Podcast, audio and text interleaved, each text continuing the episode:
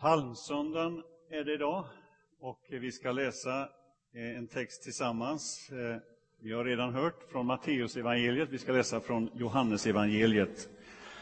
Får jag säga det också att det är många aktiviteter här i kyrkan nu och jag ska också påminna om att det är en frukost för tonåringar längst ner också. Det glömde vi säga tidigare, men du som är tonåring vill vara med på den, gå dit. Johannes evangeliet det tolfte kapitlet från vers 12. Och det är på sidan 766 i biblarna. Nästa dag, när de många som hade kommit till högtiden fick höra att Jesus var på väg till Jerusalem, tog de palmkvistar och gick ut för att möta honom. Och de ropade Hosianna, välsignade han som kommer i Herrens namn han som är Israels konung. Jesus fick tag i en åsna och satte sig på den, som det står skrivet, frukta inte, dotter Sion, se din konung kommer sittande på en ungåsna.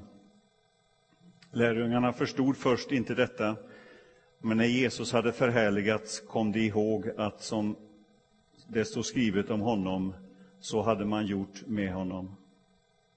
Alla de som hade varit med honom när han kallade ut Lazarus ur graven och uppväckte honom från de döda vittnade om detta.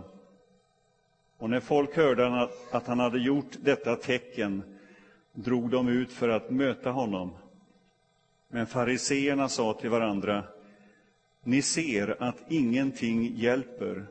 Alla människor springer efter honom. Det här är ju en text som vi läser både i adventstid och inför påsken. Och man kan väl säga att i adventstid så läser vi den för att eh, ha fokus på konungen som kommer. Jesus Kristus föds in i vår värld. Och i påsktid så eh, följer vi Jesus in i hans lidande, in i hans död och in i uppståndelsen. Och det är den helgen och den stilla veckan som ligger framför oss. Det finns en fråga i evangelierna som återkommer gång på gång och som också finns i den här texten. Och det är ju, vem var Jesus egentligen? Jesu identitet. Och det är ju en viktig fråga att ställa, inte bara för omkring Jesus, utan det är väl någonting som vi alla brottas med vad är min identitet egentligen? Vad är det som formar mitt liv? Och här i texten så går ju åsikterna åt olika håll. Eh, några menar att han är Guds son. Andra menar att han bara är Jesus Josefsson från Nasaret, ingenting mer. En vanlig människa. Och det är den, den spänningen omkring de här ytterligheterna som finns genom hela den här texten och som går som en röd tråd genom evangelierna också. Om vi stannar en stund inför det som handlar om identitet, så läste jag någon slags eh, definition på det. Identitet, det som gör en person till det den är och som gör att personen är samma person vid olika tidpunkter trots ytliga förändringar. Om vi börjar i det sista, ytliga förändringar, det går vi alltid igenom allihop, så att säga. Va? Det händer någonting med oss, vi förändras. Eh, men inuti känner vi på något sätt att vi är, vi är ändå de samma vi var. Och det som är viktigt här, det är det första ordet, det. Vad är, vad är det för någonting? Vad är det som styr mig? Vad är det som formar mig till den jag är? Och naturligtvis handlar det om arv och miljö, det jag växt upp i. Eh, jag har min historia, du har din historia, ditt sammanhang där du kommer ifrån, där du finns, som har präglat ditt liv och som har präglat mitt liv. Personer vi har mött under, under åren som har format oss, som har betytt mycket för oss, sammanhang som vi har kommit in i. Det finns olika saker som formar oss till det vi är. Eh, Jesus vet tidigt vem han är. Jesus har ett väldigt tydligt det. Han har någonting som, som ligger liksom som barlast i hans liv, i hans uppfattning om sig själv. Och man kan sammanfatta det i Jesu ord när han säger jag gör ingenting som inte Fadern gör. Alltså han stod i ett, i ett totalt beroende utav Gud. Och i det låg hans identitet. Han kallar Gud för sin far. Det var hans ursprung, hans, hans identitet, hans grund. Det var där han fann, det, fann sin identitet i. Och i den identiteten låg ju ett totalt beroende utav Gud. En överlåtelse till Gud. Och jag måste säga att, att där finns också vår möjlighet till att finna vår identitet. Visst, du är, du är en person som har din historia, men det är inte hela sanningen om ditt liv. Det finns någonting mer. Det finns en berättelse till. Och det är att du kan få lägga ditt liv i Jesu händer, vara beroende av honom. Och Jesus säger, den som gör det finner livet, finner sin identitet. Och sen kan omständigheterna, de ytliga förändringarna ske. Eh, det som händer med oss, men det, det, finns ändå någonting som jag kan falla tillbaka på och det är det här beroendet utav Jesus. Och låt mig bara få säga det att ju äldre jag blir, ju mer tydligt blir det och ju mer viktigt blir det för mitt eget liv. Beroendet av Jesus. Att få följa honom. Och vem har sagt att frihet är frihet? Och jag skulle vilja påstå och hävda att frihet handlar om beroende. Det är där i beroendet jag finner min frihet och finner min identitet. Och på något sätt så är det ju här som Jesus gör sitt inträde i Jerusalem, går in i påskens händelser där hela, man kan skriva som en rubrik över den veckan som ligger framför, överlåtelse till Guds vilja, till Guds plan, till Guds tanke. Och det är själva överlåtelsen Jesus har sin identitet. Jag är ingen utom dig, säger han egentligen. Och det är liksom limmet som, håller som höll honom samman med Gud hela tiden som gjorde att han kunde så starkt hävda sin identitet. Jag tar emot allt från din hand och jag ger det vidare till andra. Och här finner vi vår identitet. Här finner vi som församling vår identitet. Det är denna överlåtelse som vi ser påskens händelser på något sätt. Vad är det då för en helg vi står inför? Ja, berättelsen som vi har läst om intåget i Jerusalem, det slår ju an en glädjeton. Men det är ju allt annat än glädje, det som sen följer. Men ändå så är det en glädjeton som slås an i Hosianna-ropen. Och vi går mot egentligen den största utav alla händelser, den största utav alla segrar. Vi går mot den största utav alla nyheter. Vi går mot det som är det absolut viktigaste för oss. Det är helt avgörande för våra liv. Jesu död, Jesu uppståndelse. Om inte det har skett, om inte detta har hänt, ja, då är det ute med oss. Den är helt avgörande för mitt liv. Och du får, och jag får, ta emot den här påsken och påskens händelser som den största utav alla gåvor. Känn det, att det är, det är en, en gåva som sträckes ut mot dig och mot oss alla. Vad är det som händer här? Jo, Sex dagar före påsk kommer Jesus till Betania. Han kommer tillbaka dit där han tidigare har varit och uppväckt Lazarus från de döda. Marta och Maria, Lazarus systrar, har ordnat med en måltid.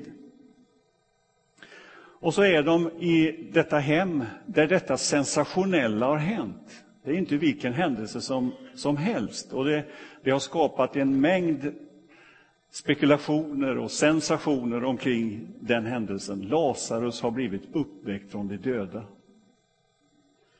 Och så är de på måltid där och man pratar om det som har hänt. Det är mycket folk samlade och helt plötsligt så kommer Maria från Magdala in i rummet. Hon som blivit befriad från demoner. Hon har blivit helad, hon har blivit upprättad. Och så går hon fram till Jesus. Hon öppnar en flaska med olja, dyrbar olja, häller ut den här flaskan över Jesu fötter och torkar hans fötter med sitt eget hår. Och det luktar fantastiskt gott i hela rummet. Det är en dyrbar olja. Judas morrar över det hela och tycker att pengarna borde gå till annat. Och Johannes noterar, det sa han inte därför att han värnade om de fattiga, utan därför att han brukade ta pengar ifrån den gemensamma kassan. Han var en tjuv, säger Johannes. Och samtidigt som detta sker i det här rummet så har ryktet gått att Jesus är tillbaka och äter middag hos Lazarus. Och snart är pressen där. Mängder av människor kommer för att se Lazarus som har blivit uppväckt från de döda. Tänk att få se någon som har varit död och som lever igen. Och då bestämmer sig översteprästerna för att även sätta upp Lazarus på dödslistan. Han som nyss återvänt från döden, vilket öde för Lazarus. Och det är ju den, eh, C.S. Lewis säger om Lazarus, det är den människa som är mest synd om i, i hela historien. Han som dog och uppstod och så får han dö en gång till sen. Det är inte alla som har varit med om det. Men dagen därpå, efter den här händelsen, så gör Jesus sitt intåg. Inspirerad av Gamla testamentet, inspirerad av framförallt ett slag som ägde rum eh, 164 f.Kr. Ett slag som man firade när Israel tog tillbaka det som eh, en syrisk armé hade tagit från Israel. Och den här händelsen firades med procession och den kallas för tempelinvigningsfesten. Och den sammanföll med påsken. Och det är den högtiden som sker nu innan påsk. Och den här händelsen firades med procession, där man inför jublande människor skar kvistar från träden och la på marken. Och det är där som Jesus gör sin bejublade entré. Och man ropar Hosianna, välsignade han som kommer i Herrens namn. Ett citat ifrån Saltaren 118 som också talar om stenen som blev ratad, som blev en hörnsten. En messiansk psalm, en, en psalm som pekar på att eh, Messias ska komma. Och det är den som Jesus går in i, i de förväntningarna. Men det är också ord ifrån profeten Sakarja som säger Var inte rädd, dotter Sion. Se, här kommer din kung till dig ridande på ett åsneföl. Och de här orden tillsammans säger Här kommer Guds utvalde. Här kommer befriaren till dig. Du behöver inte gå till honom. Han kommer till dig. Han har konungslig auktoritet och makt och möjligheter att åstadkomma fred, upprättelse och befrielse. Och det är där vi finner vår identitet. I vad han kan utföra i våra liv. Vad han kan göra utav oss och med oss. Och att han är välsignad. Han sjunger så, välsignad är han som kommer i Herrens namn. Det betyder att Gud har sagt sitt ja över hans liv. Gud har gett honom sitt fulla stöd. Han har gett honom auktoritet. Och han har på något sätt hela himlen med sig när han gör sin entré. Han är Guds ambassadör från det himmelska riket. Och när vi säger det så kan vi också säga att du kan få Guds ja över ditt liv. I den meningen att du kan bli hans barn. Välsignad vare du som får det jaet över ditt liv. Där finner du ditt liv och din identitet. Och så gör Jesus sitt intåg, och vad händer? Jo, vi ser en stor skara av människor runt omkring. Och ingen av dem som står där är oberörd. Folket, lärjungarna, fariseerna, de skriftlärde, alla står där och alla berörs av det som sker. Och så är det med Jesus. Han lämnar ingen oberörd. Och på något sätt så tar vi ställning till Jesus. Men vi gör det på olika sätt. Några av de som står där ser bara Jesus som vilken annan människa som helst. Jesus från Nasaret. Och så stannar man där. Han var en god lärare, en god ideolog. Han hade bra idéer. Han har uttalat sig på bra sätt. Och alla är vi där någon gång i den reaktionen och i den uppfattningen om Jesus. Men så finns det några där som ser någonting mer.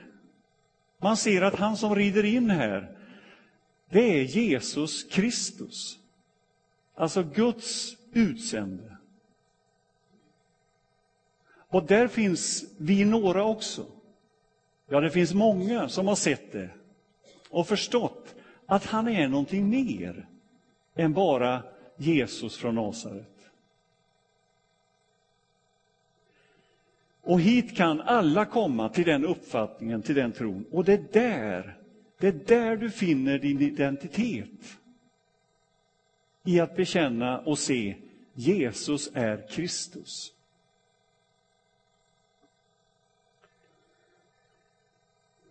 Och så gör Jesus sin entré här i vårt sammanhang. Nu är vi här. Saron, söndag förmiddag. Klockan är 11.55. Då gör Jesus sin entré i det här sammanhanget, som han gör varje söndag. Inte på det sättet att han kommer liksom inridande så vi alla ser honom. Men vi tror att Jesus Kristus är här, mitt ibland oss. Och frågan är, hur responderar jag på det? Ja, jag kan stå avvaktande. Jag kan se att ja, det händer något, det är någonting speciellt med honom, men ingenting mer. Och så tar vi oss från olika håll fram till Jesus. Och om en stund här så kommer vi att, att eh, bokstavligen talat resa oss upp och gå till olika uttryck här i kyrkan. Vi kommer att ta emot nattvard. Vi kommer att gå fram till ljusbäraren här för att tända ett ljus. Vi kommer att söka oss in i bönerummet där nere för att få förbön. Vi kommer kanske att gå till en, en plats där och få ett kors tecknat i pannan och en Guds välsignelse, en bön över sitt liv. Och vad det än som sker, vilka uttryck du än använder dig utav, så är det ett erbjudande från Jesus som säger kom nära mig. Sök dig fram till mig. Och i den rörelsen så sker det någonting. Och vi får berättelser. Vi får ord där människor säger Ja, jag tände ett ljus och bad en bön och detta hände med det jag bad för. Eller jag fick förbön och detta skedde i mitt liv. Vi får berättelser om helande, om befrielse, om aha-upplevelser där man har fått se det man inte har sett tidigare. Och in i detta kallar Jesus oss.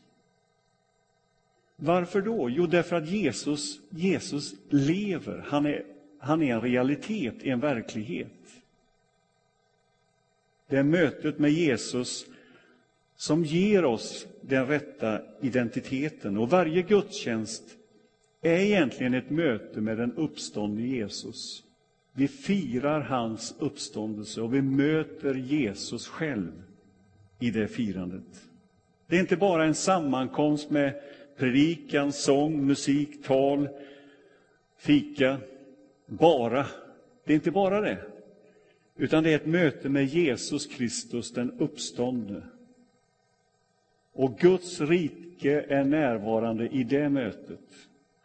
Befrielse kan ske.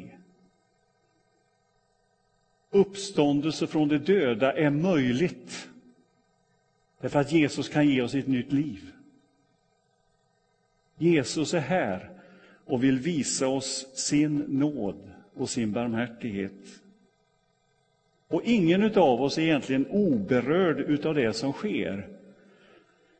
Men du bestämmer var du placerar dig, var du kopplar på, var du placerar dig i rummet när Jesus går fram. I veckan har jag varit på en konferens Eh, där vi fick lyssna till god förkunnelse, mycket förbön och lovsång. Och jag känner så här att, att ju äldre man blir, ju större blir beroendet på något sätt. Och jag fick på många olika sätt söka mig fram till förbön, få bli fylld med Gud själv, med Guds välsignelse, med Guds kraft. Hur det sker, det vet inte jag. Jag vet bara att människor la händerna på, på mig, bad en bön och någonting sker i det ögonblicket. Därför att det är ett möte med Jesus själv. Och jag har en dröm, en vision om att den rörelsen som finns här i kyrkan ska få vara ett sådant möte med Jesus. Där det inte handlar om människor som står i centrum, eh, fokus på någonting annat, utan att det är Jesus själv som får möta oss. Och det gör han. Han möter dig där du finns, i din situation, i ditt liv. Vad du än bär på, vad du än brottas med just nu, utav villrådighet, utav förtvivlan, utav kaos i ditt liv. Jesus vill ge dig sin frid, sin välsignelse, sin kraft. Och jag säger inte att det är någon slags automatik i det. Men det finns en välsignelse i att söka sig fram till Jesus. Att göra sig beroende av honom, därför att det är där som vår frihet är och vår identitet ligger. Välkommen att vara med i den rörelsen.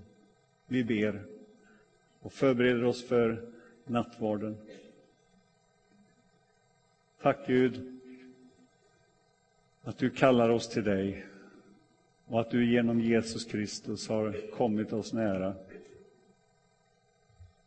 Tack att vi får den här palmsöndag inför påsken komma nära dig. Och jag ber nu, Herre, att du vill möta all den längtan som finns, de behov som finns. Och vi ber, kom helig Ande och fyll detta rum med din närvaro. Låt oss få se det vi inte har sett och höra det vi inte har hört och uppleva det vi inte har upplevt. Utför dina under i våra liv. Amen.